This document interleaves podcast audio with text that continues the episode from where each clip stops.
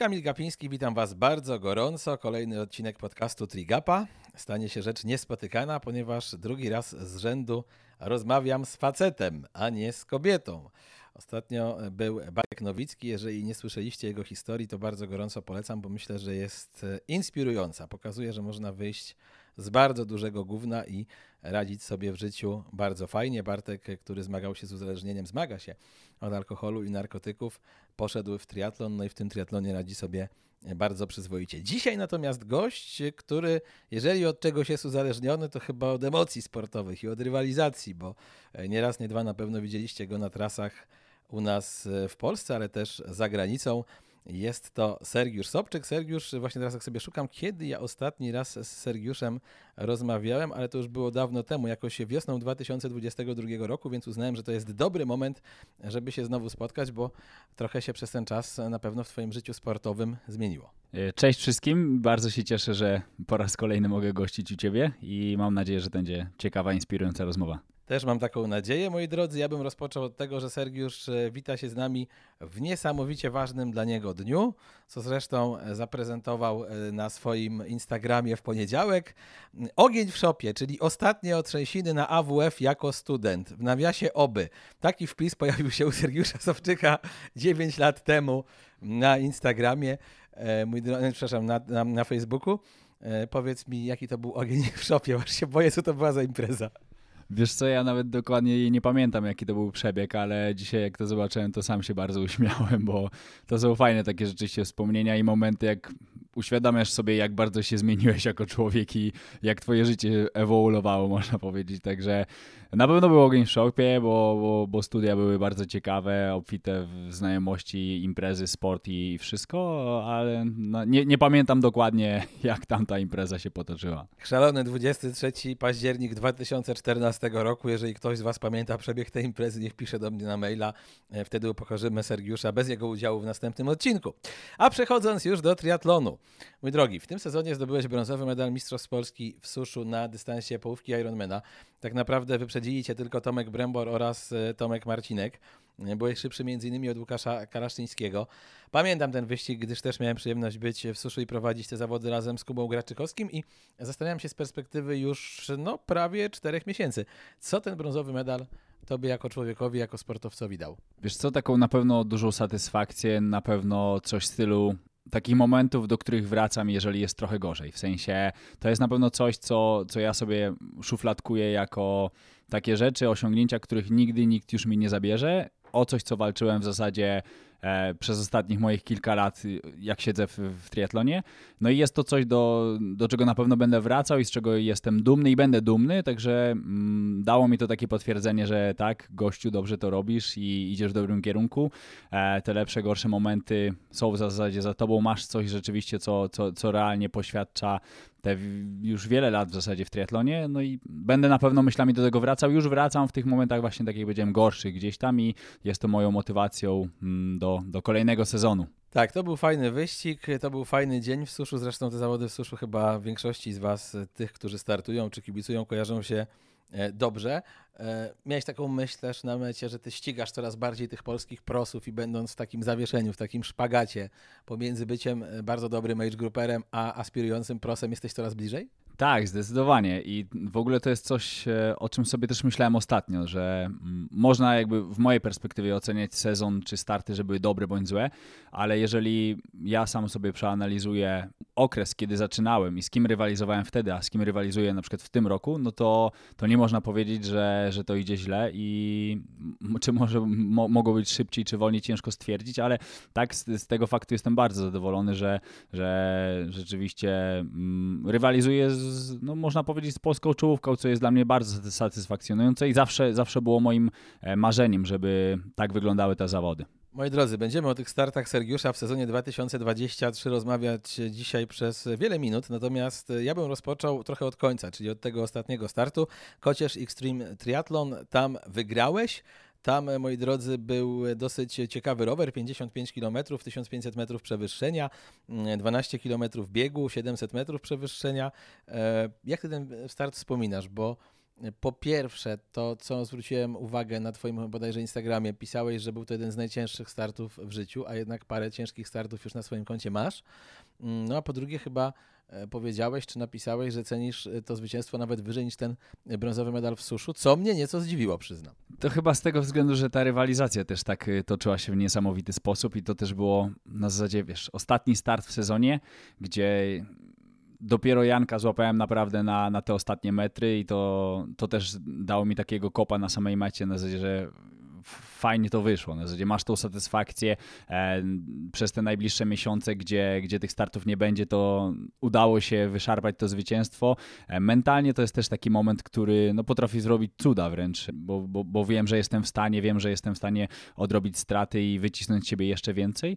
Mm, sam start był mega, mega ciekawy. Nawet tam było więcej trochę biegania. Znaczy, bieganie było chyba 16 km, e, roweru było no tam z kilometr więcej, ale mm, na pewno fajna odskocznia od takich, wiesz, klasycznych e, startów, gdzie aerodynamika robi największą robotę, gdzie, gdzie bieg po płaskim w zasadzie liczy się głównie to, żebyś wszedł na te swoje obroty i je trzymał.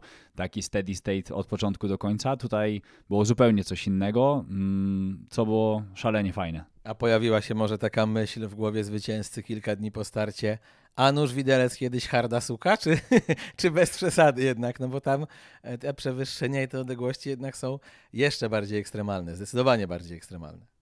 Myślę o tym szczerze mówiąc, ale no nie ma co ukrywać, na pewno nadal w hierarchii startów i priorytetów na kolejny sezon są te, te starty przy, tak, Popławskim, nie mówiąc o Janku Popławskim, ale na, tak, na, na płaskich, szybkich trasach, czy po prostu walcząc o, e, o to, co do tej pory, gdzieś tam o medal Mistrzostw Polski, czy, czy Mistrzostw Świata e, na połówce i na calaku w kategorii wiekowej, ale na pewno będę chciał do tego wrócić. Jeżeli tylko i wyłącznie mm, w przyszłym czy w kolejnych sezonach będzie to pasowało okresowo, na zasadzie tak jak teraz, w październiku, bądź nie wiem, na wczesnym etapie sezonu, gdzieś w marcu, kwietniu, jeżeli byłby taki i e, z trenerem Kowalskim uznalibyśmy, że wpasuje to się w sezon, nie będzie przeszkadzało, to super, na pewno chciałbym do tego wrócić. Mimo, że na mecie e, teraz w Kocierze mówiłem zupełnie co innego i trwało to dosyć długo, bo, bo dobrych kilka godzin, że wspominałem, że na pewno nie, nie, nie, moja stopa nie, nie, nie stanie po raz kolejny na starcie takiego triatlonu. Jakbym pamiętał swojego pierwszego pół Ironmana, kiedy pytałem przed startem w Malborku Filipa Szałowskiego, czy będzie przyjemna pogoda i czy będzie przyjemna trasa i on mówił, tak, wszystko będzie super i potem wiało, padało i na mecie jak tam w błocie gdzieś skończyłem, powiedziałem, spojrzałem na niego, prychnąłem i powiedziałem, kurwa, nigdy więcej. E, pisałeś, że najtrudniejszy zdecydowanie był bieg, mnóstwo kamieni, które były trudne w trakcie podbiegów i trudne w trakcie zbiegów. O zbiegach wiedziałem tylko tyle, że trzeba puścić nogi na tyle, na ile jest się tylko w stanie. Dobrze, że ty się gdzieś nie wykoprytnąłeś podczas tej trasy, bo to tak brzmi jak jakbyś się uczył trochę tego biegania w ekstremalnych triatonach w trakcie trwania imprezy.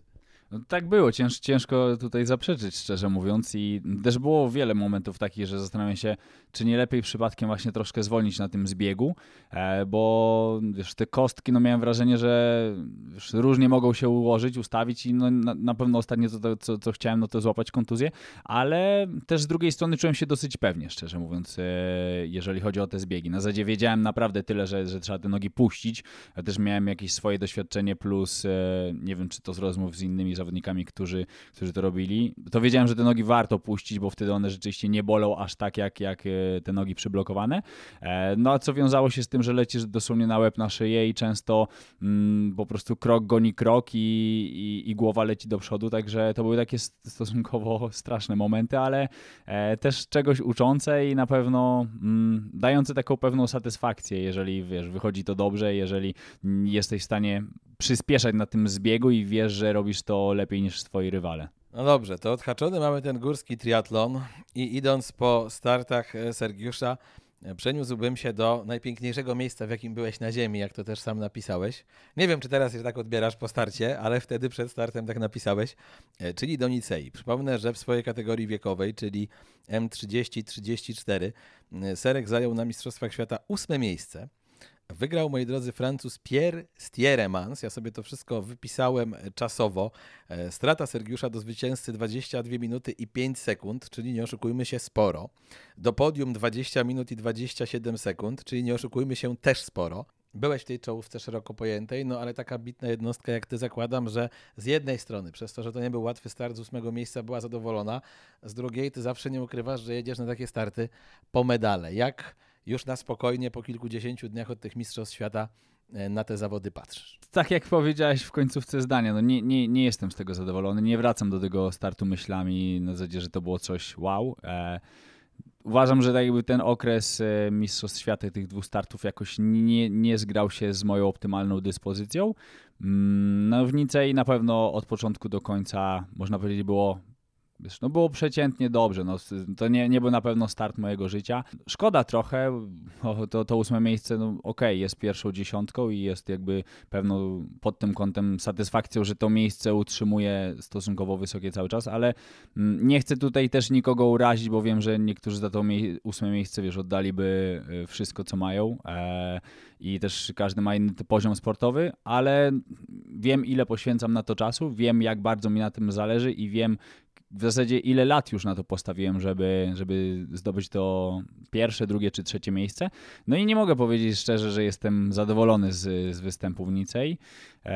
No nie był to na pewno mój start życia. Mm, kilka prawdopodobnie rzeczy się na to przyczyniły, ale ciężko stwierdzić tak jakby, żeby to był jeden czynnik, który wiesz, powiedział, że ok, tutaj jest klapa totalnie i, i tyle. Do, to były duże straty, w sensie 20-20 kilka minut, to nie ma co tu się e, wiesz, czarować, to były bardzo duże straty, także e, no odległe miejsca tak naprawdę. Jak tak wiesz, popatrzyłem sobie na międzyczasy twoje a Mistrza Świata, to największy wpierdziel dostałeś, nie oszukujmy się, na rowerze, ponieważ e, na pływaniu to tam było nieco ponad 3 minuty wolniej, na bieganiu też nieco ponad 3 minuty wolniej, czyli bez dramatu. Natomiast u niego rower 5.09.25, u ciebie 5.24.26 to jest 15 minut różnicy. Mm, aż tak ciężka ta trasa faktycznie była, no bo mogliśmy ją obserwować patrząc na prosów, no ale jedno to widzieć, wiesz, z lotu ptaka i z kamery, a drugie to dostać ten wpierdol w trakcie zawodów. To znaczy trasa, trasa jak trasa, no tak naprawdę. Każda z, z tras ma, ma, jakiś, ma, ma swoją specyfikę. No ta była górzysta, można powiedzieć, te 2,5 tysiąca metrów przewyższenia. E, ja wcześniej startowałem na Lanzarote, gdzie, gdzie było chyba nawet trochę więcej tego, 2,700 przewyższenia, czy coś w tym stylu. Także no, ja bym jej nie określił jako jakąś brutalną, tak? Mm, także tutaj to nie jest e, raczej ten temat. To jest, to, to jak ja na to patrzę, to jest raczej temat właśnie mojej jazdy po górach. W sensie, że ja nie jestem e, góralem takim typowym, jeżeli chodzi o kolarza i no i tutaj ten temat e, raczej wrócił do mnie. Mm, mimo, że ten w ogóle swój etap kolarski czy dyspozycję kolarską w tym sezonie poprawiłem, tak, tak no wyszło raczej, że, że, że w tych górach radzę, radzę sobie dosyć średnio, co też między innymi w Kocierze też wyszło, bo gdzie z Jankiem Popławskim no naprawdę w tym sezonie i w poprzednich zawsze jeździliśmy razem. Nawet zdarzały się starty, gdzie e, to były starty równoległe. Na zasadzie w innych e, momentach start był i płynęliśmy podobnie, mimo że nie ramię w ramię. I jechaliśmy to też w zasadzie co do sekundy e, identycznie na tych płaskich trasach. No tak tutaj Janek mi uciekł, uciekł dobre 3 minuty, także to też moim zdaniem po, poniekąd pokazuje, że mm, no ja w tych górach sobie po prostu nie radzę, jeżeli chodzi o rower i to jest też na pewno jakaś informacja na przyszłość. Ale czy to jest taka informacja, z którą wiesz, będziesz próbował coś zrobić, czy raczej co drugi rok będziesz sobie czekał na Mistrzostwa Świata na Hawajach, gdzie tych gór nie ma, a za to po prostu jest gorąco, żar się leje z nieba i są crosswindsy, chociaż w sumie w Nicei też chyba za chłodno nie było. Na pewno będę próbował coś z tym zrobić. Ja też raczej jestem takim człowiekiem i zawodnikiem, że jeżeli widzę swoje takie uwydatnione, słabe strony, no to staram się nad nimi pracować. Może nie w każdym obszarze, ale tym sportowym zdecydowanie. E, także tak, tutaj chciałbym też e, wziąć się w garść, jeżeli chodzi o ten mm, etap górski na, na rowerze i będę pracował. E, ale no nie ma co ukrywać, przynajmniej w tym najbliższym roku, no to, to raczej będę upatrywał swoich szans na tych bardziej płaskich trasach i, i, i pod tym kątem będę szukał e, takiego głównego startu czy rozwoju. Ciekaw jestem Twojej opinii na temat Nicei, bo jedni chwalą te zawody i mówią, że super, że bliżej e, Europy, bliżej Polski, w tym sensie nie trzeba lecieć na drugi koniec świata, że jest to tańsze, nie ma tego problemu aklimatyzacyjnego. Drudzy mówią, że jednak jak Mistrzostwa Świata to tylko Hawaje i wszystko inne to jest tylko próba, e, powiedziałbym, naśladowania. Mm, tobie się tam podobało, ty czujesz tą Nicę jako zawody na Mistrzostwa Świata, czy jednak dla ciebie Ironman World Championship to są tylko Hawaje? Znaczy, wypowiem się jako w zasadzie osoba, która była tylko na, w, w Nicei we Francji, e, na Mistrzostwach Świata na Calaku, bo na Hawajach nie byłem, ale hmm, na pewno są plusy i minusy. No plusami jest to, że, że, że ta Francja i Nicea są bardziej dostępne e, dla finansowo, no, dla, dla, dla dużej części Europejczyków, można powiedzieć. Jest to piękne miejsce. Ja tam byłem trzeci czy czwarty raz y, i zawsze będę to powtarzał, zawsze o tym będę mówił, że to jest świetne miejsce. Myślę, że ten start też, jeżeli chodzi o samą specyfikę, to naprawdę mm, przypominał poniekąd Hawaje, bo pływanie też było bez pianek w skinach, y, tak samo jak na Hawajach. Było ciepło czy, czy, czy gorąco. No, rower się różnił rzeczywiście od siebie, ale no, w zasadzie ten pierwszy czy, czy trzeci etap y, były, można powiedzieć, zbliżone.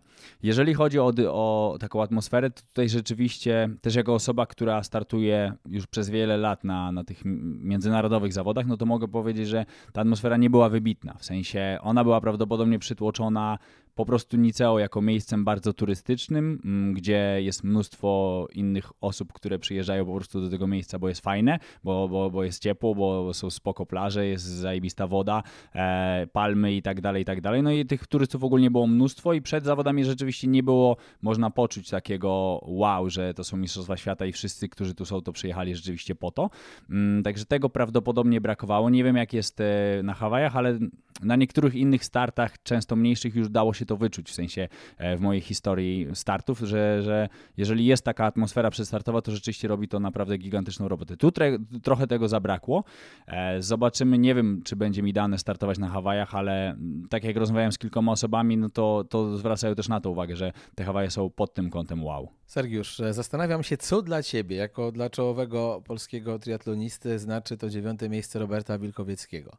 Jak ty odebrałeś, gdy już sam skończyłeś, gdy już odpocząłeś, zjadłeś, nie wiem, może się zdrzemnąłeś, zobaczyłeś na wyniki Mistrzostw Świata. Co poczułeś, jak zobaczyłeś Polaka, swojego kolegę w pierwszej dziesiątce. No, jestem niesamowicie dumny i naprawdę szczęśliwy, że, że Robert jest w pierwszej dziesiątce.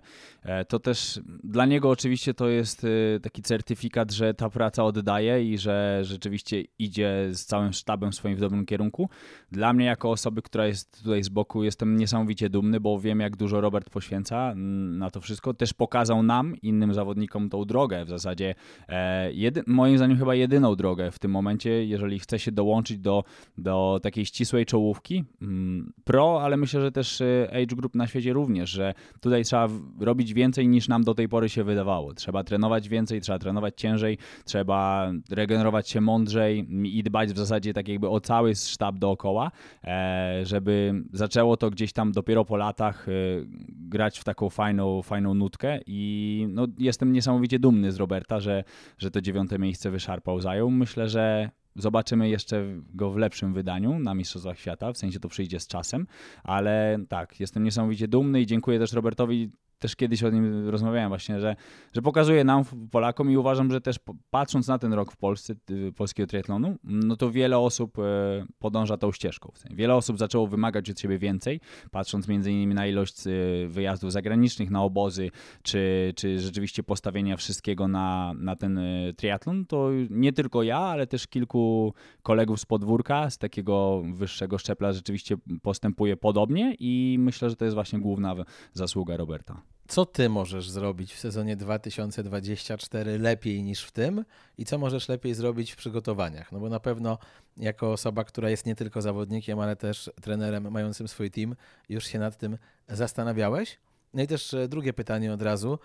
Ta relacja z Tomkiem Kowalskim, no bo znacie się od lat, trenujecie ze sobą od lat. E, czy to jest tak, że on cię jeszcze czymś może E, treningowo zaskoczyć jakimiś bodźcami, których się nie spodziewałeś i które będą na tobie, na ciebie wpływać po tylu sezonach wspólnych? Wiesz co, nawet o tym pisałem też ostatnio. W sensie ja bezgranicznie ufam Tomkowi, ale chodzi mi też o to, że z perspektywy trenera i tego zawodnika już po kilku latach też widzę, że mm, jakby tutaj nie ma czegoś takiego, wiesz, jak takie sekcji bodźce treningowe, które, wiesz, one będą powodowały, że, że ja teraz z tygodnia na tydzień będę inną, inną, innym zawodnikiem, dużo lepszym. To jest raczej rzeczywiście ten złapanie tych obszarów do pracy i skupienia się na nich przez lata. E, oczywiście one też będą się zmieniały, ewoluowały i trzeba też rozsądnie obserwować i dostosować to do, do zawodnika, ale też tutaj jakbym miał powiedzieć o pracy z, z Tomkiem, to ona będzie stosunkowo podobna. W sensie, jeżeli ja będę miał e, przestrzeń na, na trening w okolicach 20 godzin, momentami więcej, to, to byłoby na pewno super. E, I a ta praca pozostała będzie jakby bardzo podobna, jeżeli chodzi z, perspektywy, z perspektywy trenerskiej. To, co na pewno ja chciałbym mm, wyciągnąć na, dla siebie na, na przyszły sezon, to jest mm, taka jeszcze większa konsekwencja, jeszcze większa optymalizacja tego, co robiłem w tym momencie, czyli postawienie rzeczywiście na tą regenerację, która też uważam, że, że jest y, kwestią niesamowicie istotną, szczerze mówiąc, że, że ilość zrobionych godzin to jest jakaś tam część, ale kwestia re zregenerowania tego e, jest mega istotnym aspektem, ważniejszym prawdopodobnie niż sam trening e, i skupieniu się już od samego początku na, mm, na, wycis na wyciśnięciu z siebie więcej niż, niż do tej pory. Wiem, jakie mam te obszary do poprawy i, no i brutalnie chciałbym się na nich skupić. Jeżeli złączyłoby się to z, z więcej niż jednym obozem właśnie zagranicznym, możliwe, że wysokogórskim byłoby fajnie, na pewno byłby to jakiś taki nowy aspekt do, e, do sprawdzenia. Mm, myślę na pewno bardzo ambitnie, jeżeli chodzi o przyszły sezon. Na pewno nie zatrzymuję się i chcę osiągnąć więcej. Często to też jest tak, że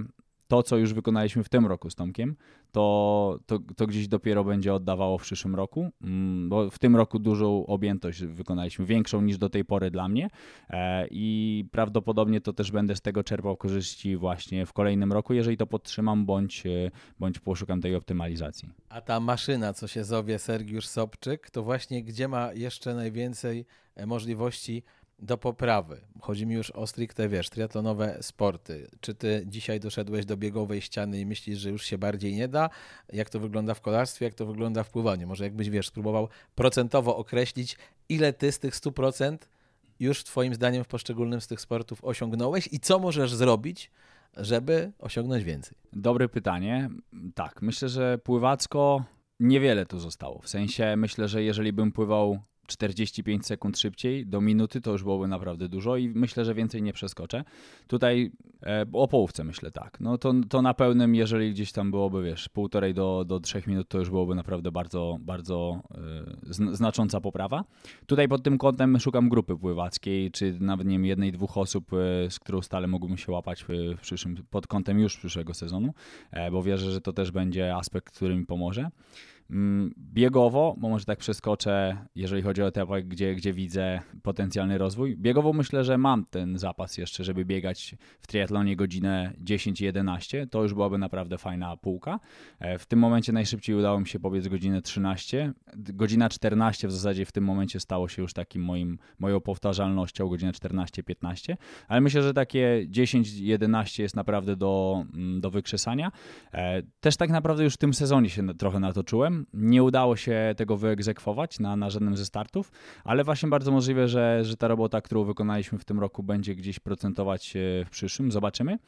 E, na rowerze na pewno najwięcej widzę nadal mm, tej, tej opcji do poprawy i nadal na tym będziemy się z Tomkiem najwięcej skupiać, żeby, żeby jeździć e, powyżej 10 godzin w każdym bitym tygodniu, zbliżając się często do, do 15, e, czy obozowo jeżdżąc jeszcze więcej, bo w tym roku naprawdę zadziałało to bardzo fajnie. Do tego dodaję jakąś e, kwestię optymalizacji pozycji.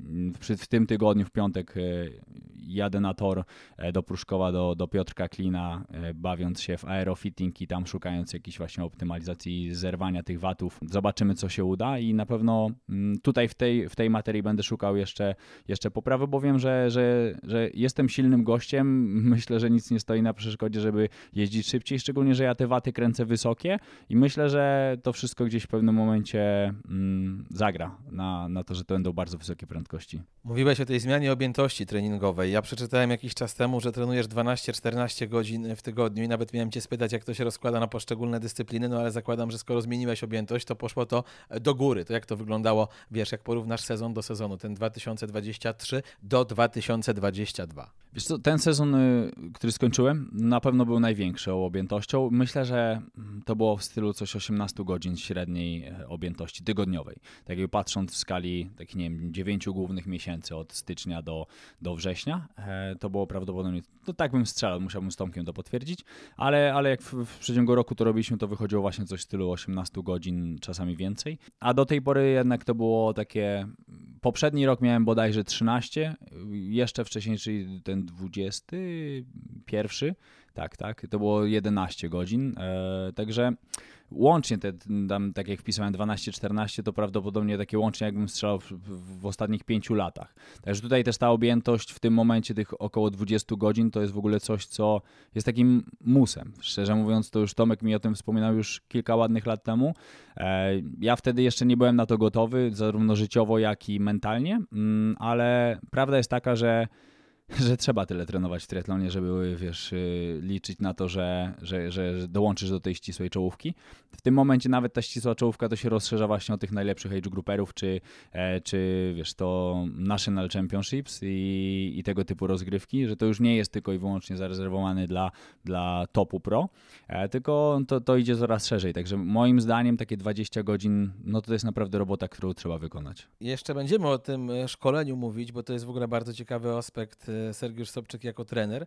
Natomiast podsumowałbym te starty z 2023 roku tym, o którym pewnie najmniej masz ochotę mówić, e, czyli Lachti. Tam byłeś siódmy, Janek Popławski był troszkę przed tobą, e, piąty z czasem ty 3,59,40, ponad 8 minut straty do zwycięzcy. Co tam się na tym bieganiu stało? Bo jak jeszcze dzisiaj sobie rano odświeżałem przed naszym spotkaniem twoją relację, to generalnie wszystko szło dobrze i wybiegłeś i też było dobrze i nagle zdarzył się chyba jakiś niezapowiedziany dramat.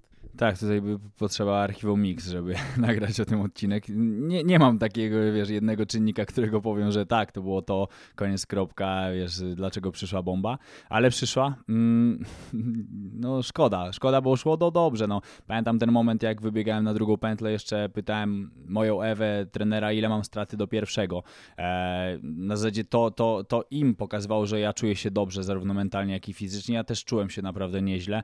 E, wiedziałem, ile z siebie daje i to nie było naprawdę coś pod korek. E, rozsądna taka rozsądne startowe tempo w ten sposób.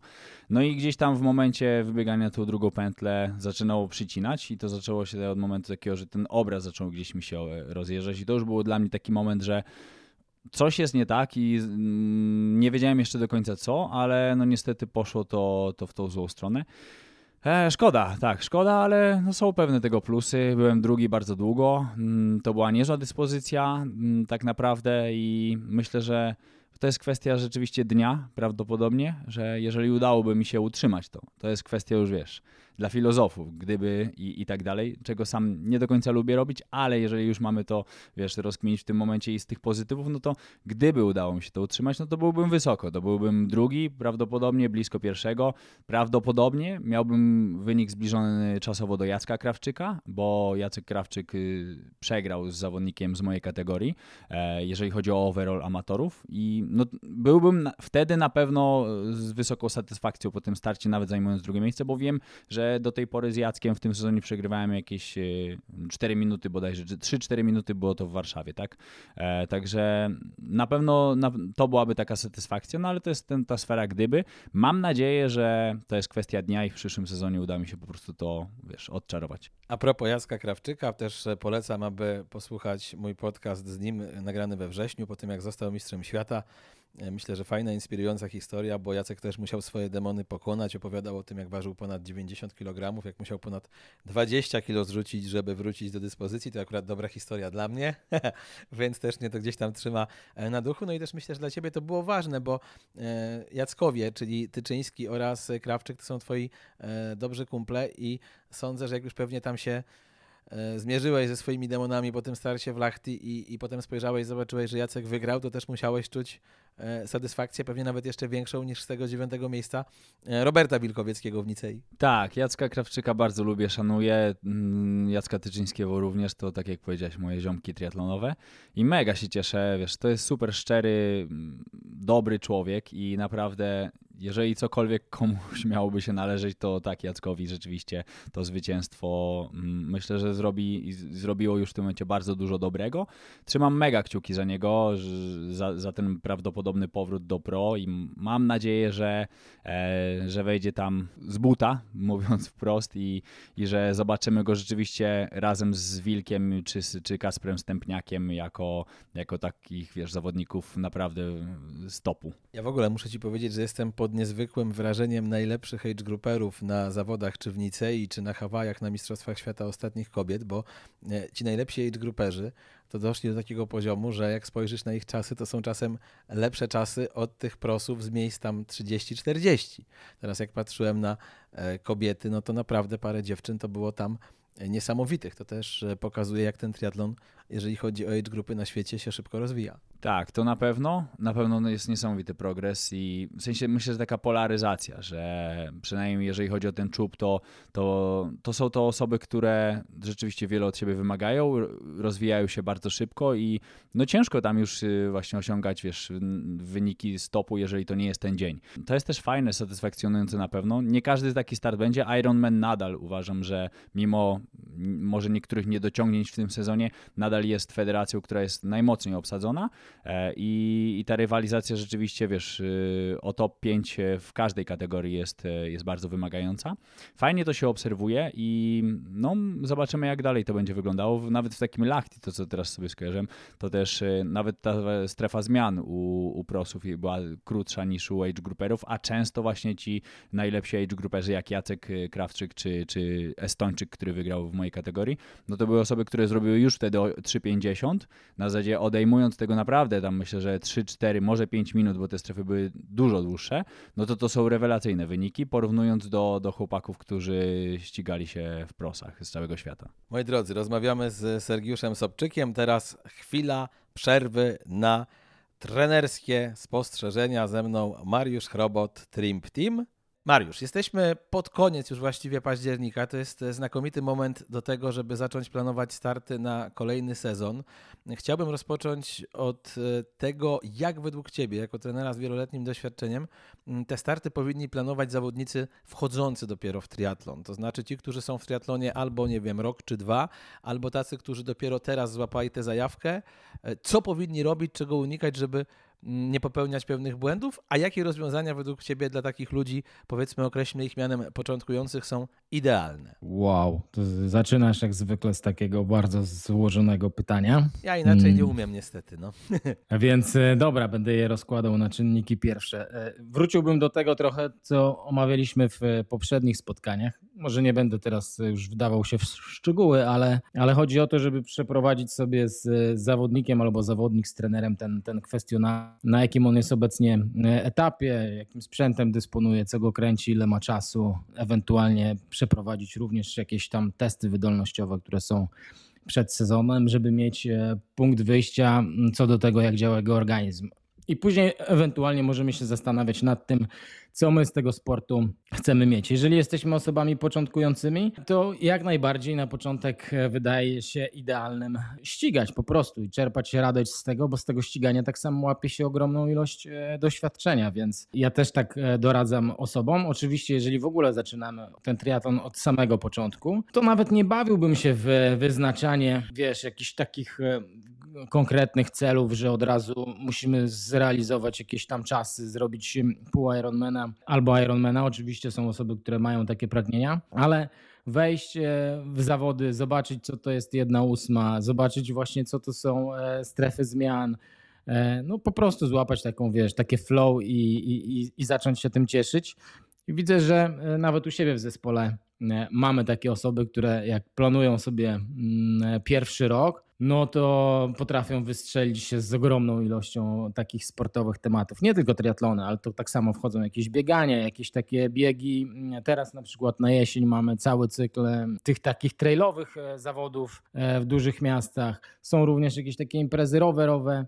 No więc to wszystko sobie można komponować na początek w taki e, szeroki plan. No i później przygadać z trenerem ewentualnie, żeby to jakoś e, sensownie poukładać, żeby to też nie było tak, że startujemy, startujemy, startujemy, nie ma czasu na trening, nie ma czasu na regenerację. A nie jest tak, że współczesnym triatlonistom i w ogóle ludziom brakuje po prostu cierpliwości, że jakbyś powiedział powiedzmy Janowi Kowalskiemu, który jest twoim zawodnikiem i zaczyna tę przygodę z triatlonem stary. W przyszłym roku to tylko jedna ósma i być może jedna czwarta, ale raczej jedna ósma, to on ci powie, panie, gdzie? Jedna, druga to przynajmniej, a najlepiej pełen Ironman. No jest tak, no i co? Musimy sobie e, z tym radzić. No dzisiaj Ironman czy tam połówka, no to faktycznie są takie dystanse, które ludzi kręcą. No, wydaje się to już być coś takiego bardzo trudnego, dosyć dużym wyzwaniem. jeżeli chodzi o ludzi, z którymi ja pracuję, no to rekomenduję im, jeżeli się nie, nie spieszą i wiesz, nie mają takiego wybitnego ciśnienia na, na, na ten pełen dystans, no to mówię, przygotowujcie się w spokoju, ok, nawet w tym pierwszym roku możemy sobie zrobić połówkę, ale jednak większość e, czasu mm, trzeba się skoncentrować na krótkich dystansach, E, od jednej ósmej do jednej czwartej i powiedzmy, wiesz, kończymy ten pierwszy sezon mm, jakąś tam jedną połóweczką. Być może w kolejnym roku dokładamy dwie bądź trzy połóweczki i idealnie by było w trzecim roku zrobić pełen dystans. No ale tak jak mówisz, no dzisiaj wszystko pędzi. Wczoraj miałem swoją konferencję E, dla e, segmentu rolnego i właśnie miałem taki temat, gdzie jak w ogóle się zmienił e, świat, jak się zmienił marketing i jaka ilość danych spada na człowieka i mogę się tu posłużyć taką liczbą, że to jest 35 gigabajtów, które mózg musi skonsumować mniej więcej w 16 godzin. I, i, I, tak samo w tym wszystkim pojawia się właśnie takie myślenie triatlonowe, że chcemy już od razu, wiesz, osiągnąć szczyty. Mniej więcej wiemy, jak to powinno wyglądać od strony zawodników, którzy zaczynają, a jak mądrze przygotować się do sezonu, kiedy jesteś już w miarę doświadczonym triatlonistą. E, ile można takich imprez według Ciebie docelowych e, wybrać, na które szykuje się szczyt formy? Bo ja patrząc na naszych triatlonistów i na świat też, to mam wrażenie, że z reguły te szczyty formy są dwa. Jeden to jest koło pewnie czerwca, przełomu czerwca-lipca, drugi koło września-października, jak są Mistrzostwa Świata, ale widzę też takich kozaków i takich zawodników, którzy próbują te szczyty formy osiągnąć trzy, czyli gdzieś na początku sezonu, pewnie maj-czerwiec, może kwiecień, jeżeli to jest Ironman Texas, potem jakiś mhm. lipiec, sierpień i potem y, październik, listopad. Pytanie, czy to jest mądre i czy tak się da? To jest bardzo indywidualne. Też oczywiście zależne od tego, na jakich dystansach się ścigasz. E, jeżeli, jeżeli mówimy o, ty, o tych długich Ironmanach, peł, pełnych dystansach, e, te 3-4 starty, wydaje mi się, że jest to temat do ogarnięcia. E, mniej więcej po takich zawodach organizm w pełni regeneruje się, to mówią badania, które testy były robione. Mniej więcej w, po 19-20 dniach de facto organizm jest dosyć już solidnie zreperowany, że nie pozostają żadne ślady, jeżeli przeprowadzisz różnego rodzaju analizy z krwi, tam mięśni i tak dalej, i tak. Do tego jeszcze e, trzeba dorzucić e, później takie, wiesz, okresy przejściowe, więc e, ostatecznie jednak zajmuje nam to 4-6 tygodni, żeby, wiesz, solidnie dojść do siebie po tego typu zawodach. No i później rozpoczynamy jakby kolejny cykl budowania się pod, pod, pod kolejną taką imprezę, więc tutaj możemy śmiało sobie powiedzieć o tym, że te 3-4 imprezy w sezonie E, są do ogarnięcia. Trochę inaczej to już wygląda przy połówce, można pobawić się trochę, trochę więcej. No i to też, jak sięgniesz historycznie, to w ogóle inaczej to wyglądało w sporcie, ponieważ kiedyś te wszystkie, wszyscy najlepsi zawodnicy, nie wiem, McCormack, e, nie wiem, Kinley, oni się wszyscy, wiesz, ciachali na maksa na zawodach, e, chociażby po to, żeby w ogóle cokolwiek zarobić, bo kiedyś e, w tym triatlonie w ogóle nie było pieniędzy i im więcej się ścigali, tym, wiesz, więcej mogli sobie zarobić. Ostatecznie teraz ten trend się trochę zmienia, czyli właśnie no, wiesz, pojawiają się głosy, sam Ironman tak szkoli, że to wiesz, możesz zrobić 9 imprez max w ciągu roku. No, ale to jest bardzo, bardzo indywidualne właśnie od człowieka, a szczególnie od tego też w jaki sposób on się później prowadzi, jak się regeneruje po takich zawodach. A jak odebrałeś jako doświadczony trener tę historię z Miłoszem Sowińskim, który najpierw e, wystartował w Malborku i tam pokazał się z bardzo dobrej strony, po czym zaledwie dwa tygodnie później uderzył w kolejnego Ironmana bodajże we Włoszech? No, kozak dla mnie, no nie? I to wiesz, oba, obie imprezy e, na świetnym poziomie zrobił. E, no ale już były przykłady zawodników, którzy postępowali w ten sposób, więc dla mnie to też nie było nic e, szokującego. Wręcz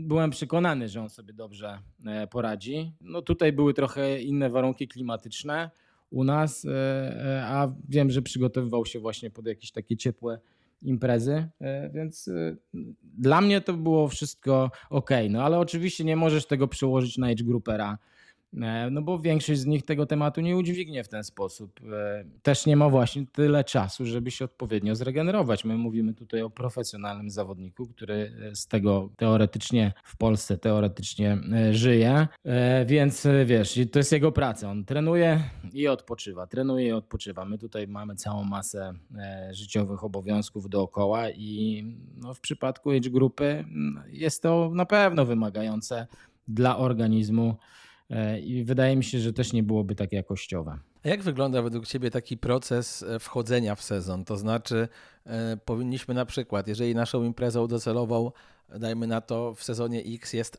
Ironman, to rozpocząć raczej od spokojnego startu na jednej czwartej, potem jedna druga, potem właśnie e, kolejna jedna druga, potem jedna czwarta i Ironman? Czy, czy jakiś, masz w ogóle taki jakiś schemat, według którego zawodników do tych startów e, przygotowujesz i jakim te zawody, że tak powiem, rozpisujesz, czy z nimi negocjujesz, jak powinni startować, czy, czy to czy zupełnie tak nie jest? W ogóle tak nie jest. E, wiesz, słowo klucz dzisiejszej rozmowy to właśnie jest, że to jest bardzo indywidualne. No i masz osoby, które po prostu lubią się ścigać i, e, i trzeba z nimi w taki sposób poukładać ten e, plan, żeby one mogły się realizować, no bo ostatecznie czerpią z, e, z tego frajdę.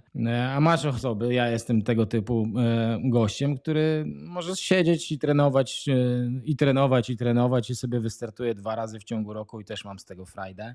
Więc no jest to bardzo indywidualne. Natomiast to, co zauważyłem nawet na swoim przypadku, że jednak jeżeli tych startów jest bardzo skromna ilość, e, nie wiem, dwa, trzy w ciągu roku, to ciężko wejść w takie odpowiednie flow na zawodach po prostu od samego początku. Gdzieś e, też jak rozmawiam z, ze swoimi zawodnikami, którzy e, funkcjonują w podobny sposób, no to im jednak więcej tych imprez takich dookoła, czyli jak mówimy na przykład o, o pełnym dystansie, to fajnie jest jednak sobie porobić kilka, dwie, trzy połówki, może jakieś ściganie na jednej czwartej, parę razy, e, no bo po prostu przyzwyczajasz się do intensywności, do, przyzwyczajasz się trochę do tego e, bólu fizycznego i psychicznego, który pojawia się w trakcie zawodów. Wiesz, łapiesz znowu tą fajną zajawkę po prostu na ściganie i nie zapadasz się w trakcie zawodów wiesz, w jakieś takie obszary, że o Jezu, jak mi ciężko, no nie? O, chcę zejść z trasy i tak dalej. Więc to też jakby jest pewien element treningu, takie, e, takie zawody. Chociaż ja też zawsze mówię, że jak już się ścigamy, jak już jedziesz na zawody, to nie ma czegoś takiego jak zawody treningowe, tylko idziemy i się po prostu ścigamy, no nie? Tyle, ile jesteś w stanie z siebie dać na ten moment. Weteran polskiego triatlonu, jeden z prekursorów, bym powiedział, i przyjaciel Marcina Koniecznego, Jacek Nowakowski. E, jeszcze przed laty w Radiu Weszło FM, gdzieś na początku początku istnienia podcastu, opowiadał mi taką historię, że dla niego esencją triatlonu to jest e, dystans olimpijski, że tam się idzie na maksa od początku do końca, tam nie ma żadnego kombinowania, po prostu dajesz ile ci fabryka dała i wszystko powyżej dystansu olimpijskiego to są dla niego troszkę E, fanaberię. Wiadomo, że to się zmieniło, ja wtedy z Jackiem też rozmawiałem, że trochę przesadza, natomiast pytam o to trochę, dla, znaczy mówię to trochę dlatego, bo zastanawiam się, czy masz takich zawodników, którzy jak słyszą pół Ironman i Ironman to kręcą głowami i właśnie mówią nie, my chcemy olimpijki, my chcemy jednej ósmej, my chcemy jednej czwartej, my chcemy się ścigać na pełnej szybkości. Czy jednak ten trend wyraźnie idzie w stronę połówki i Nie ma takiego trendu, mi się wydaje. Są osoby, które oczywiście trakcie całego sezonu właśnie celują sobie, żeby zrealizować jakąś tam połówkę mm, albo pełny dystans, ale na przykład u nas Michał Wojtyło to, to jest gość, który wiesz, jest bardzo dobry na pełnym dystansie, no ale on z kolei uwielbia w ogóle wyścigi i kiedy tylko może, to pakuje się właśnie na ćwiartki lub różnego rodzaju podobne wyścigi o jak gdyby po podobnej charakterystyce czasowej. E, no i się tym bawi, więc e, znowu ci powiem, że to jest e, bardzo indywidualne. Ja lubię na długo. Nie wiem, no to mnie kręci. Może po prostu też e, ze względu na to, jaki mam e, organizm, wiem, że e, trenowanie e, pod krótkie dystanse, no to też jest trochę inne trenowanie.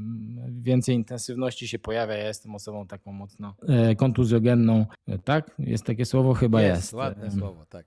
No, więc, więc ja wolę po prostu trochę dłużej, a trochę lżej. No, ale, ale, są, ale są osoby, które po prostu lubią cisnąć. U nas też są w drużynie takie osoby, które lubią cisnąć i się ścigać na krótko krótko i dla mnie to jest super. To na koniec, Mariusz, jeszcze. Jakich błędów przy planowaniu kalendarza powinno się wystrzegać? Wiesz co, wydaje mi się, że trzeba e, właśnie popatrzeć na to, żeby nie porobić sobie za dużo imprez jedna po drugiej i dać sobie czas na regenerację, no bo jednak ta regeneracja po zawodach, e, nawet na jakiejś tam e, ćwiartce, no to organizm dochodzi do siebie przez 2-3 dni na pewno. Później musisz delikatnie e, się poruszać, jeden, dwa dni, ewentualnie wiesz, no możesz zrobić oczywiście kolejną ćwiartkę sobie za tydzień, czy tam nawet jakąś połówkę. No ale jeżeli powtórzysz to x razy w trakcie sezonu, no to w przypadku age groupera to zmęczenie na pewno będzie narastało, a co za tym idzie, e, wiesz, wzrasta moim zdaniem ryzyko e, kontuzji, a w całym trenowaniu istotne jest to, żeby tej kontuzji nie było, no bo wtedy w ogóle, e, wiesz, cofamy się troszkę i trzeba się odbudowywać na nowo, więc ja bym postawił tutaj na takie sensowne zaplanowanie kalendarza, że ok, można się pościgać dużo, ale znajdźmy czas na to, żeby dystans pomiędzy odpowiednimi imprezami jednak się pojawił. Mariusz Chrobot, Trimp Team. Więcej, jeżeli chodzi o kwestie szkoleniowe i tak dalej, zapraszamy też na stronę www.trimp.team. Dziękuję Ci, Mariusz, bardzo gorąco. Dzięki.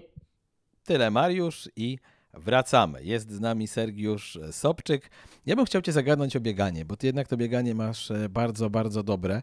Czy troszkę Cię nie kusi, żeby postartować bardziej biegowo? Ja wiem, że Ty jeszcze jesteś w takim wieku, że e, oczywiście chcesz się rozwijać e, triatlonowo i masz ku temu wszelkie powody, ale jak nie wiem, patrzysz na Mkona zmagającego się z dużymi światowymi maratonami i z jakimiś tam rekordami życiowymi, to Ty nie masz ochoty spróbować gdzieś, nie wiem, 2,20, 2,25 pobiec duży maraton typu, wiesz, Nowy Jork, Chicago, Berlin czy Walencję? Tak, myślę o tym. Co prawda myślę bardziej o Mistrzostwach Polski. W sensie, jeżeli miałbym, miałbym powiedzieć, nie wiem, na przestrzeni tych ostatnich kilku miesięcy, no to, to już kilkukrotnie myślałem sobie na przykład o Mistrzostwach Polski w maratonie, żeby tam spróbować e, pobiec, zobaczyć, e, wiesz, e, który mógłbym skończyć, ale to też wiązałoby się oczywiście z takim, wiesz, stricte przygotowaniem, bo no w tym momencie można powiedzieć, że mam spoko życiówkę na, mm, na półmaratonie. No tutaj maraton to jest jeszcze kawałek drogi, a trzeba byłoby biegać, wiesz, wiesz, gdzieś w okolicach 2,20 czy 2,22. W sensie w moim przypadku byłoby to możliwe przy bardzo dobrym przełożeniu z tej, z tej połówki.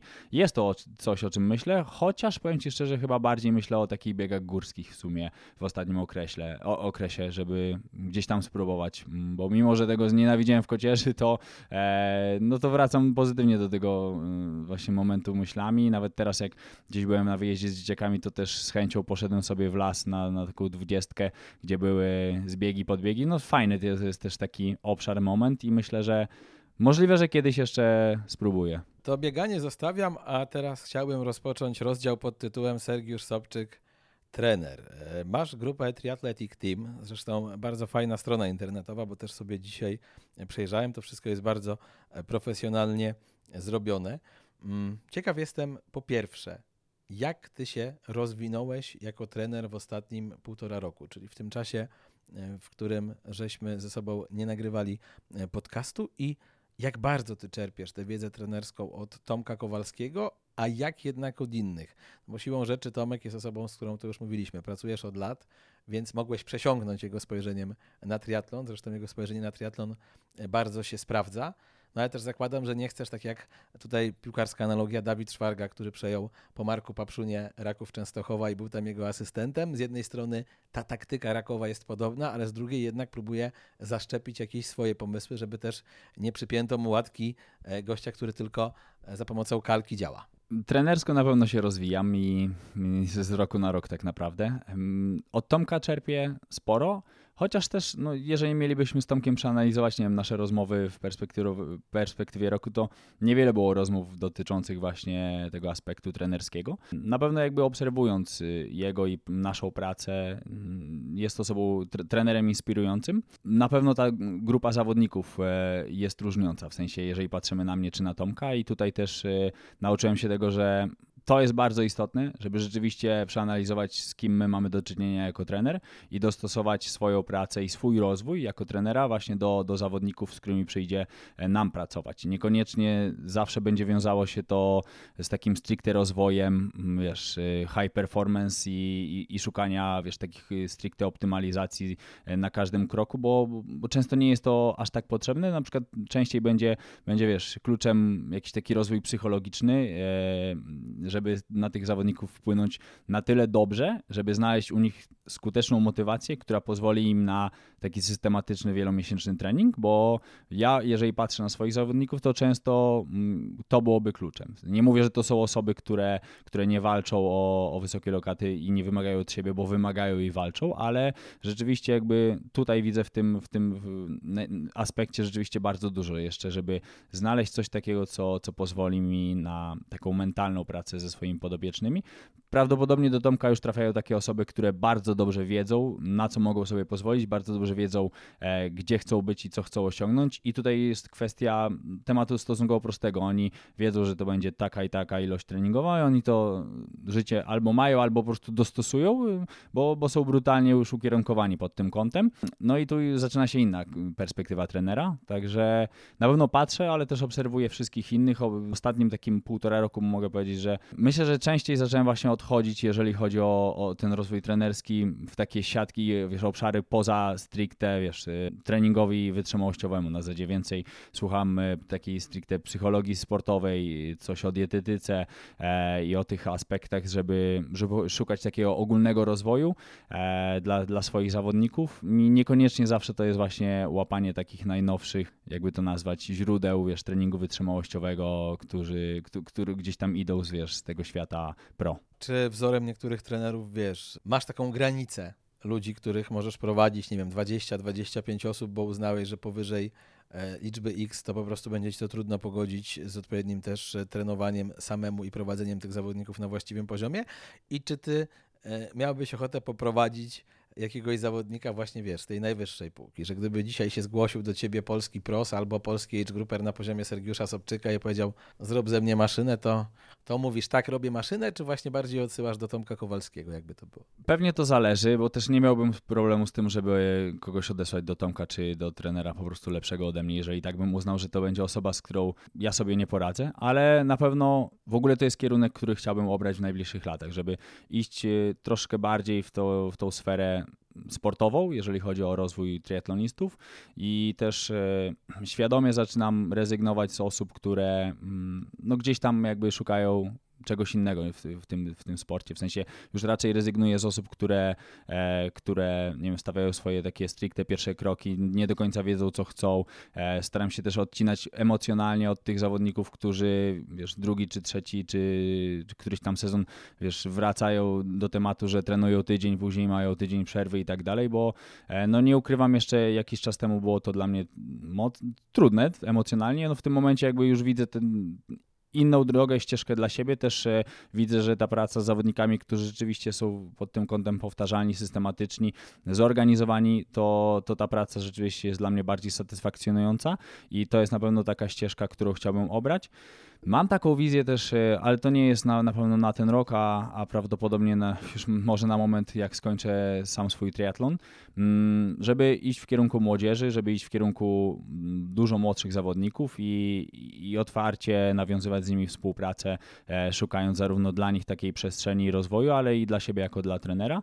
To jest jakby z tyłu głowy gdzieś tam już takie mniej komercyjne, e, jak w tym momencie sobie mogę to wyobrazić, na zasadzie, że tą sferę komercyjną będę miał na niezłym poziomie rozwiniętą i będę mógł tutaj szukać czegoś, co będzie dla mnie wysoką satysfakcją. Także odpowiadając na pytanie, tak, na pewno, jeżeli ktoś by się zgłosił z takiego, wiesz, wysokiego polskiego poziomu, to na pewno podjąłbym rękawice, mm, po części taką analizą, rozmową e, i zastanowieniem się, jak mogłoby to wyglądać. Jeżeli, I myślę, żebym, żebym uznał, że tak, możemy spróbować, bo mam dużo pomysłów e, własnych treningowych i, i też widzę mm, wiele rzeczy, które się sprawdzają już w treningu e, u swoich amatorów, także to jest też na pewno ciekawy moment, jeżeli byłaby taka osoba, no ale zobaczymy, co życie przyniesie. A jaka jest ta liczba zawodników, których w Triathletic Team możesz maksymalnie prowadzić?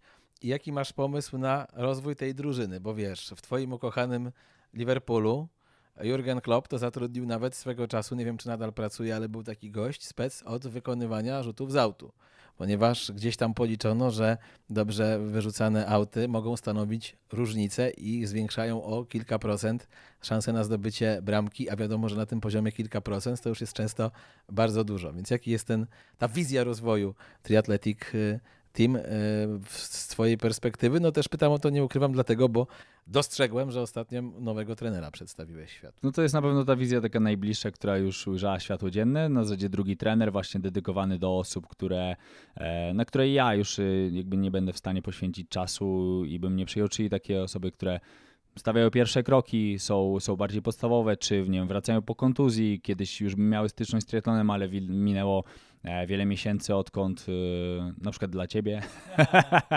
tak i tak dalej. E, także to jest na pewno taka wizja, która też dla mnie jest satysfakcjonująca pod tym kątem, że wprowadzam jako trenera osobę po studiach kierunkowych, żeby nie było, to jest też osoba, która ma pełne zaplecze do tego, ale jest to mój zawodnik, który, którego wprowadzam na zasadzie, wiesz, y, systematycznych spotkań i, i, i wtedy ja mam szansę jakby podzielić się swoją wiedzą, e, którą złapałem przez już te x lat y, pracy tutaj. Mm, to jest też fajne, satysfakcjonujące, na pewno jest to nowa ścieżka rozwojowa.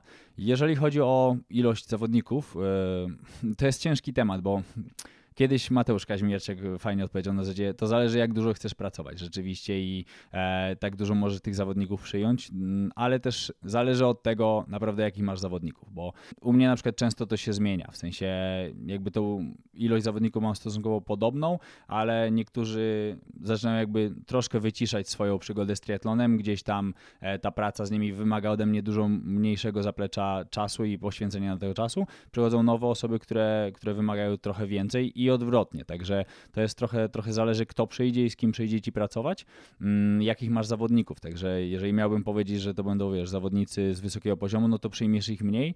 E, jeżeli w stosunku do takich osób, które mm, są na troszkę niższym poziomie i prawdopodobnie wiesz, tam będzie praca taka częstsza, jeżeli chodzi o, o dbanie o ich wiesz, systematykę i powtarzalność ja widzę, że w tobie jest taka chęć trenowania, którą też dostrzegłem kilka miesięcy temu, gdy u mnie był gościem Łukasz Kalaszczyński i opowiadał o tym, że coraz większą satysfakcję daje mu patrzenie na to, jak rosną jego podopieczni. I połączyłbym to z czymś, co powiedziałeś tutaj e, kilka minut temu, czyli jak sam zakończę karierę.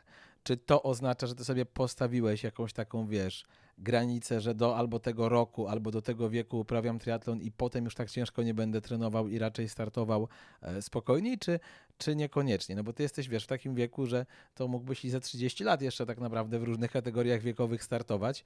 E, pytanie, czy by ci się chciało? E, myślę, że możliwe, że za 30 lat będę jeszcze startował właśnie w tych, wiesz, seniorskich kategoriach. Na pewno w innym wydaniu. Jeżeli chodzi o to wydanie, jakie mam w tym momencie, to nie mam takiego, wiesz, wieku że, określonego, że do tego momentu i koniec. Myślę, że to będzie, wiesz, moment, do którego uznam, że, że, że chcę zapieprzać i chcę, wiesz, wyciskać z siebie jeszcze więcej, wymagać od siebie więcej i tak dalej. Aktualnie mam z tego niesamowitą frajdę. E, chcę wykorzystać te lata, w których jestem i wiem, że to są lata jedyne, jeżeli chodzi o, o, o taki rozwój. W sensie wiem, że, wiesz, biznesowo mogę rozwinąć się po 40. E, jeżeli chodzi o, wiesz, o, nie wiem, sportową turystykę, to mogę to robić do końca końca życia. Wiem, że, że w takim fizjologicznym momencie, wiesz, yy, takiego hypu jestem, w zasadzie to jest krótki okres i wiem, że, że chcę go wykorzystać, wiem, że to jest teraz, to są najbliższe właśnie, nie wiem, 2, 4, 5 lat.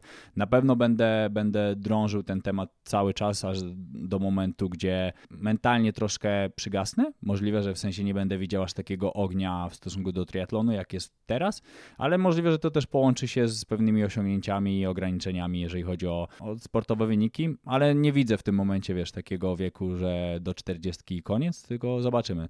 Uważam w ogóle, że funkcjonuje bardzo dobrze. Jeżeli chodzi o takie, wiesz, podejście do triatlonu i, i wymaganie od siebie, to myślę, że tutaj ta przestrzeń, te zasoby są jeszcze bardzo, bardzo głębokie. Czyli nie ma symptomów kryzysu, to mnie cieszy. E, dałeś ostatnio też fajną uwagę na Instagramie.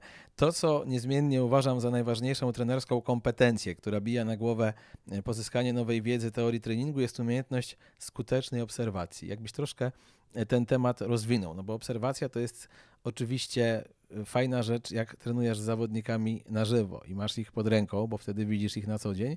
No ale rozumiem, że też chodzi o taką obserwację na zasadzie feedbacku, że wymieniasz maile czy telefony ze swoim zawodnikiem i dostrzegasz, w jakim on jest w danym momencie stanie. Czy jest gotów, żeby mocno trenować, czy niekoniecznie, czy jest w piku treningu, czy ma dołek i tak dalej. Tak, to jest na pewno to, co powiedziałeś i też uważam, że ta obserwacja jest mega istotna i w tym też chodzi mi o coś takiego, wiesz, tą obserwację może rzeczywiście na żywo e, wykonać, ale też y, aktualnie narzędzia treningowe, z jakich możemy korzystać, między innymi, wiesz, Training Peaks, platforma, czy z wykorzystaniem wielu innych pomiarów, e, które są dostępne w tym momencie, to też pozwala nam trenerom jako, jako obserwacja. I tutaj chodzi mi w tym wszystkim o coś takiego, że, że często znaczy, może inaczej. Najważniejszym moim zdaniem takim punktem trenerskim, jeżeli y, chodzi o wiesz, ułożenie zawodnika, e, to już jest jakaś pewna periodyzacja jego treningu. Jeżeli ustalimy sobie coś, że on ma wykonywać, no to rzeczywiście moim zdaniem e, trzeba być w tym konsekwentnym i to obserwować. I na zasadzie ta obserwacja w tym momencie zaczyna się po kilku już tygodniach, czy, czy ten trening jest dla niego właściwy. I to może być rzeczywiście, wiesz, rozmowa, to może być e, mailowanie, ale też obserwowanie wskaźników fizjologicznych dostępnych E, poprzez mierniki i później wszystkich wrzuconych w trening Pixa, e, co też tak jakby daje nam, trenerom, duże pole do popisu, bo najprostszy taki na zasadzie plan treningowy, jeżeli on będzie dobrze adaptowany do zawodnika, dobrze zmieniany, on będzie turbo skutecznym i to jest właśnie ta kwestia, żeby wiedzieć, w którym momencie rzucam, zawodnik zaadaptował się już w pełni do, do danego bodźca, no i wtedy musimy my jako trenerzy coś pokombinować. To często nie musi być, wiesz, nie, nie wiadomo co, że wrzucenie teraz y, jakichś turbo trudnych y, interwałów, to często może być, y, wiesz, przyspieszenie rozbiegania czy, czy rozjazdów, żeby wyjeździli na wyższych watach endurance'owych, troszkę zwiększenie objętości poszczególnego e, bodźca treningowego, bądź zmiana struktury treningowej względem tygodnia, żeby czegoś było więcej, czegoś mniej i tak dalej. Także to często mogą być drobne zmiany, ale warto, żeby je widzieć, bo, bo to jest ten moment, który, który nam, trenerom,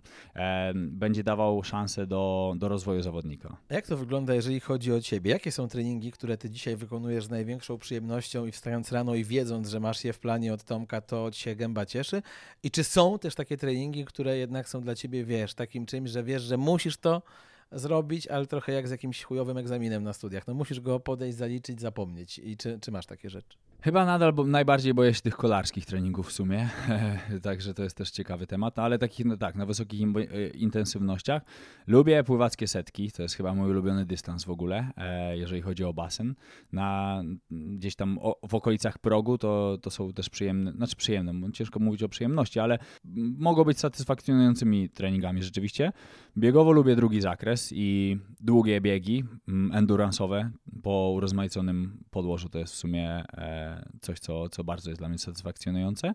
Tak, a te najtrudniejsze, no to myślę, że rzeczywiście to jest e, treningi kolarskie, a takie, które totalnie przysparzają mnie, wiesz, ociarki, no to, to jest bieganie na, na takich, wiesz, odcinkach kilometr dwa, a chyba w sumie takim jakbym teraz mi przyszedł do głowy, to najbardziej znienawidzonym, którego zawsze się bałem, to jest 3 razy 4 km w tempie półmaratonu.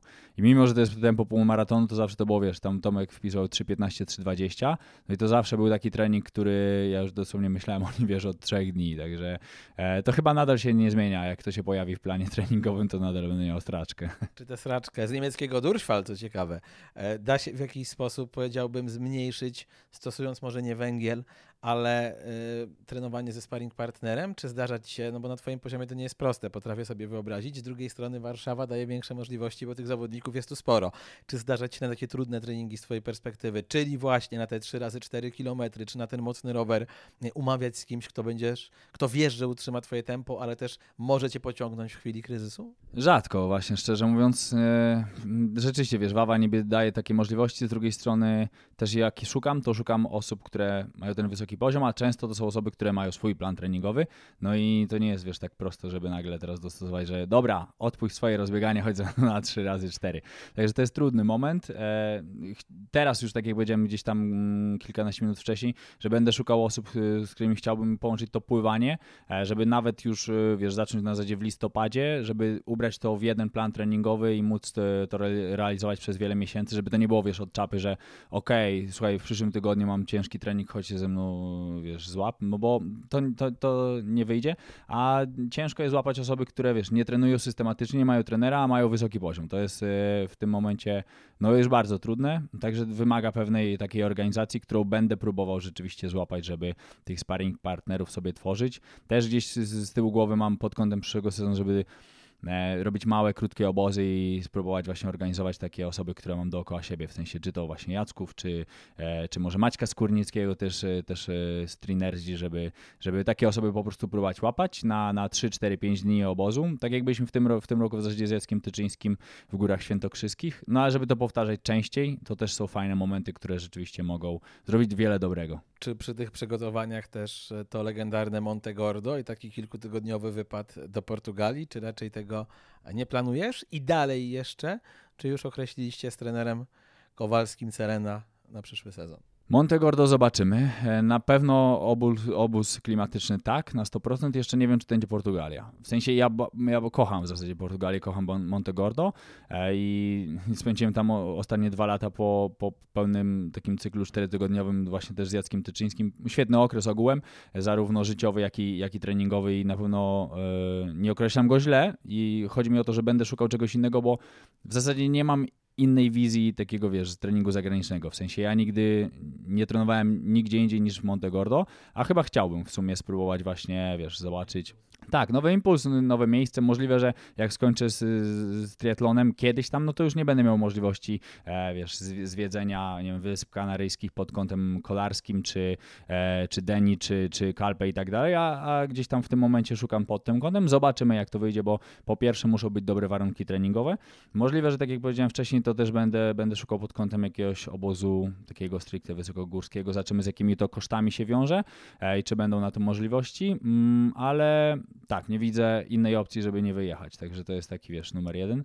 A o co drugie pytałeś? A, cele, no pewnie. Krystalizują się. Jestem zapisany na Hamburg, na Calaka w czerwcu, na początku czerwca, drugiego bodajże. Później trochę zobaczymy. W sensie, na pewno to, co z Tomkiem rozmawiałem, to ubranie tego sezonu startowego w takie trzy, dwa, trzy główne cele, żeby to nie był, wiesz, jedne Mistrzostwa Świata i na podstawie tego określimy, czy to był dobry, czy zły sezon. W sensie Tomek nigdy tak nie robił, bardziej ja to robiłem i to jest, wiesz, jakiś tam zarzut wobec mnie, ale ten przyszły sezon bardziej będzie właśnie pod kątem e, szybkiego calaka, bo idę w ogóle w kierunku, wiesz, calaka jakby to będzie już taki mój y, ten dystans właściwy w tym momencie. Na pewno zdarzą się połówki, ale, ale, ale te, te starty główne to mówimy o calakach. I szybka połówka i tutaj będę celował w Hamburg właśnie, żeby zobaczyć jak jestem w stanie e, zbliżyć się do tych 8 godzin mm, i zobaczymy co z tego wyjdzie. E, Mistrzostwa Polski chciałbym zagrać. Mam nadzieję, że w Malborku, żeby powalczyć o medal Open. Jeżeli finanse i życie pozwoli, no to Mistrzostwa Świata e, Hawaje i tam walka też o, o to miejsce, wynik e, w kategorii wiekowej. Ciekaw jestem jeszcze na koniec już naszej rozmowy, jak wygląda Twoje roztrenowanie, bo to jest taki moment, kiedy wiele osób to roztrenowanie przechodzi, jedni nic nie robią, inni się ruszają. My zresztą o tym rozmawialiśmy niedawno z Mariuszem w jednym z odcinków, jak mądrze przejść przez roztrenowanie.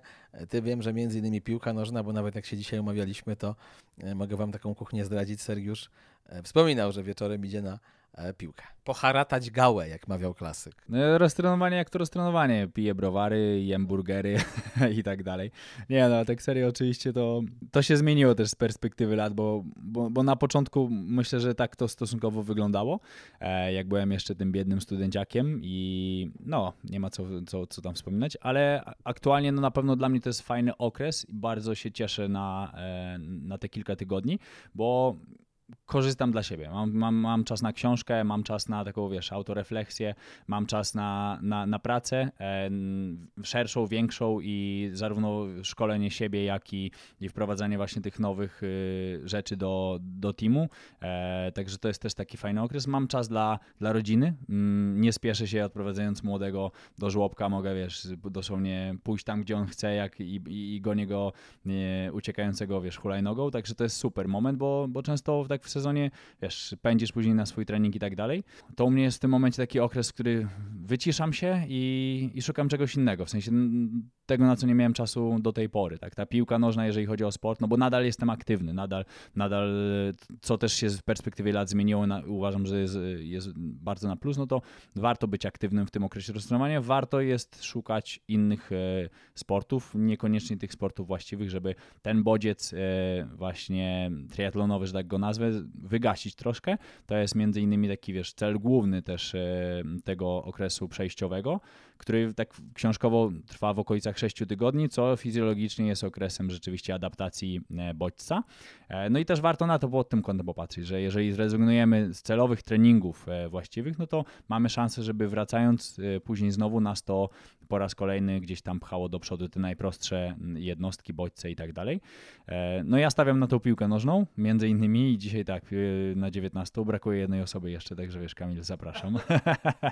E, kocham piłę w sumie, no bardzo lubię grać w piłę, mm, przez lata grałem i, gdzieś tam to zostało, poza tym to jest bardzo ciekawy sport też drużynowy i mm, związany, wiesz, z takim fajną atmosferą, jak, jak sobie grasz, rywalizujesz, ale możesz to połączyć z dobrymi ziomkami i jeszcze czymś innym na pewno niż triatlon. Boisz się kontuzji, bo to wiesz, zdarzają się na amatorskich zawodach, ja to widziałem chyba najgorsze kontuzje na amatorskich. E, meczach. Nie tak dawno grał w takim e, charytatywnym turnieju Grzesiek Szamotulski, doskonały przez lata bramkarz m.in. Legii Warszawa.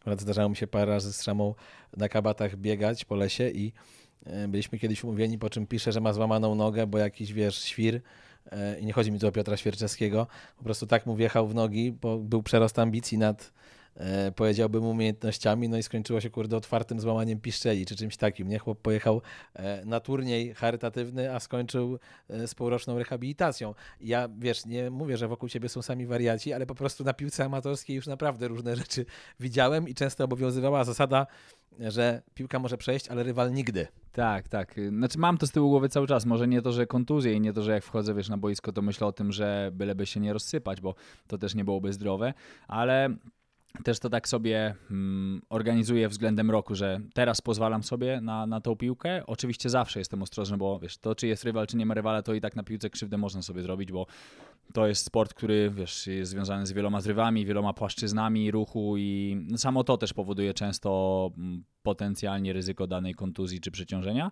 ale cały czas wierzę, że jest to jakiś tam, wiesz, korzyść, szczególnie w tym w takim pierwszym okresie. Jakoś też nie jestem w stanie jakby zupełnie z tego zrezygnować. Jest to coś, co, co lubię i to jest taki dla mnie zdrowy moment w przeciągu tygodnia, jak wiem, że sobie na tą piłeczkę pojadę, powygłupiam się, pośmieję. Chłopaki na pewno zauważają to też i, i sami. Mam fajną ekipę, może w ten sposób, która też, y, jak już zbliżamy się, nie wiem, jest marzec y, czy, czy kwiecień, wtedy już grywam w ogóle rzadko, ale też oni mówią, dobra, to gdzieś zostań z tyłu. E, my gramy też na małej hali 3-4 osobowej takiej w zespole. No i to, to jakby oni sami mi, wiesz, zwracają uwagę na to, żeby już nie ganiać, nie latać i raczej stanąć, porozgrywać piłkę i być, po prostu pośmiać się i tak dalej, pójść pójść później na piwko zero i, i e, wiesz, na, na pogaduchy. Mm, także no na razie, wiesz, w sumie gram już tam dobre chyba 9 lat albo 10.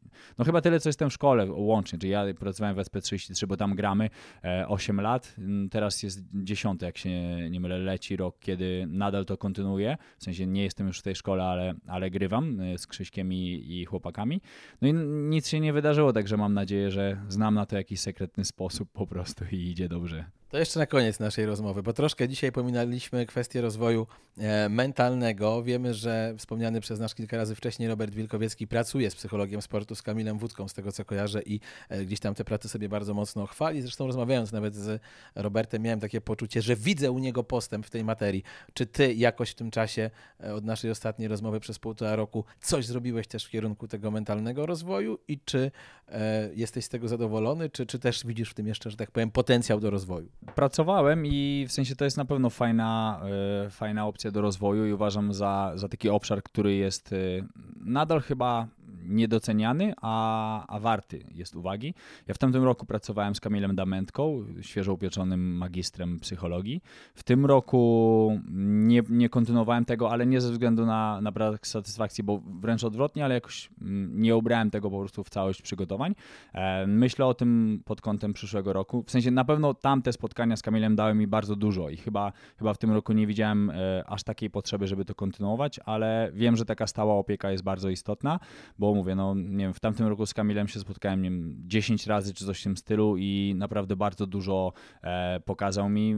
To, to też chodzi o, wiesz, o takie myślenie, nastawienie, motywację e, i, i, pewne skupienie w trakcie, w, w, trakcie zawodów, bo to wiesz, często patrzymy na tego psychologa jako osobę, że nie, nie masz problem, żeby wycisnąć z siebie więcej, ale e, czy, czy no, coś w tym stylu, czy nie, masz straczkę przed tymi zawodami, ale właśnie to nie jest zupełnie to, w sensie to jest kwestia takich, no na zasadzie tak jak Robert to też o tym mówi, po prostu jeden z twoich treningów. Tutaj optymalizujesz swoją głowę, żeby na zasadzie być przez te nie wiem, na calaku 8 godzin, bite skupionym i skoncentrowanym na prawidłowych rzeczach, żeby nie myśleć o tym e, negatywnie, nie, nie wprowadzać, wiesz, paniki na zasadzie, że o nie wiem, tracisz do jakiegoś zawodnika, on ci ucieka i wtedy zaczynasz się rozsypywać, bo to jest stosunkowo powszechne, tylko tak jakby myślisz o rzeczach, które rzeczywiście mm, dają ci mm, poprawę na zasadzie, wiesz, u mnie to była dobra, nie wiem, na rowerze optymalizacja pozycji, e, utrzymanie własnych watów i patrzenie, patrzenie, wiesz, wręcz na ten zegar, wiesz, na waty i staranie się utrzymania tego wysoko, jedzenie, picie i tak dalej, zastanawianie się czasowo, gdzie, gdzie i kiedy powinienem to zrobić i to odganiało mi te myśli na zasadzie, wiesz, nie wiem, czy ktoś odjeżdża,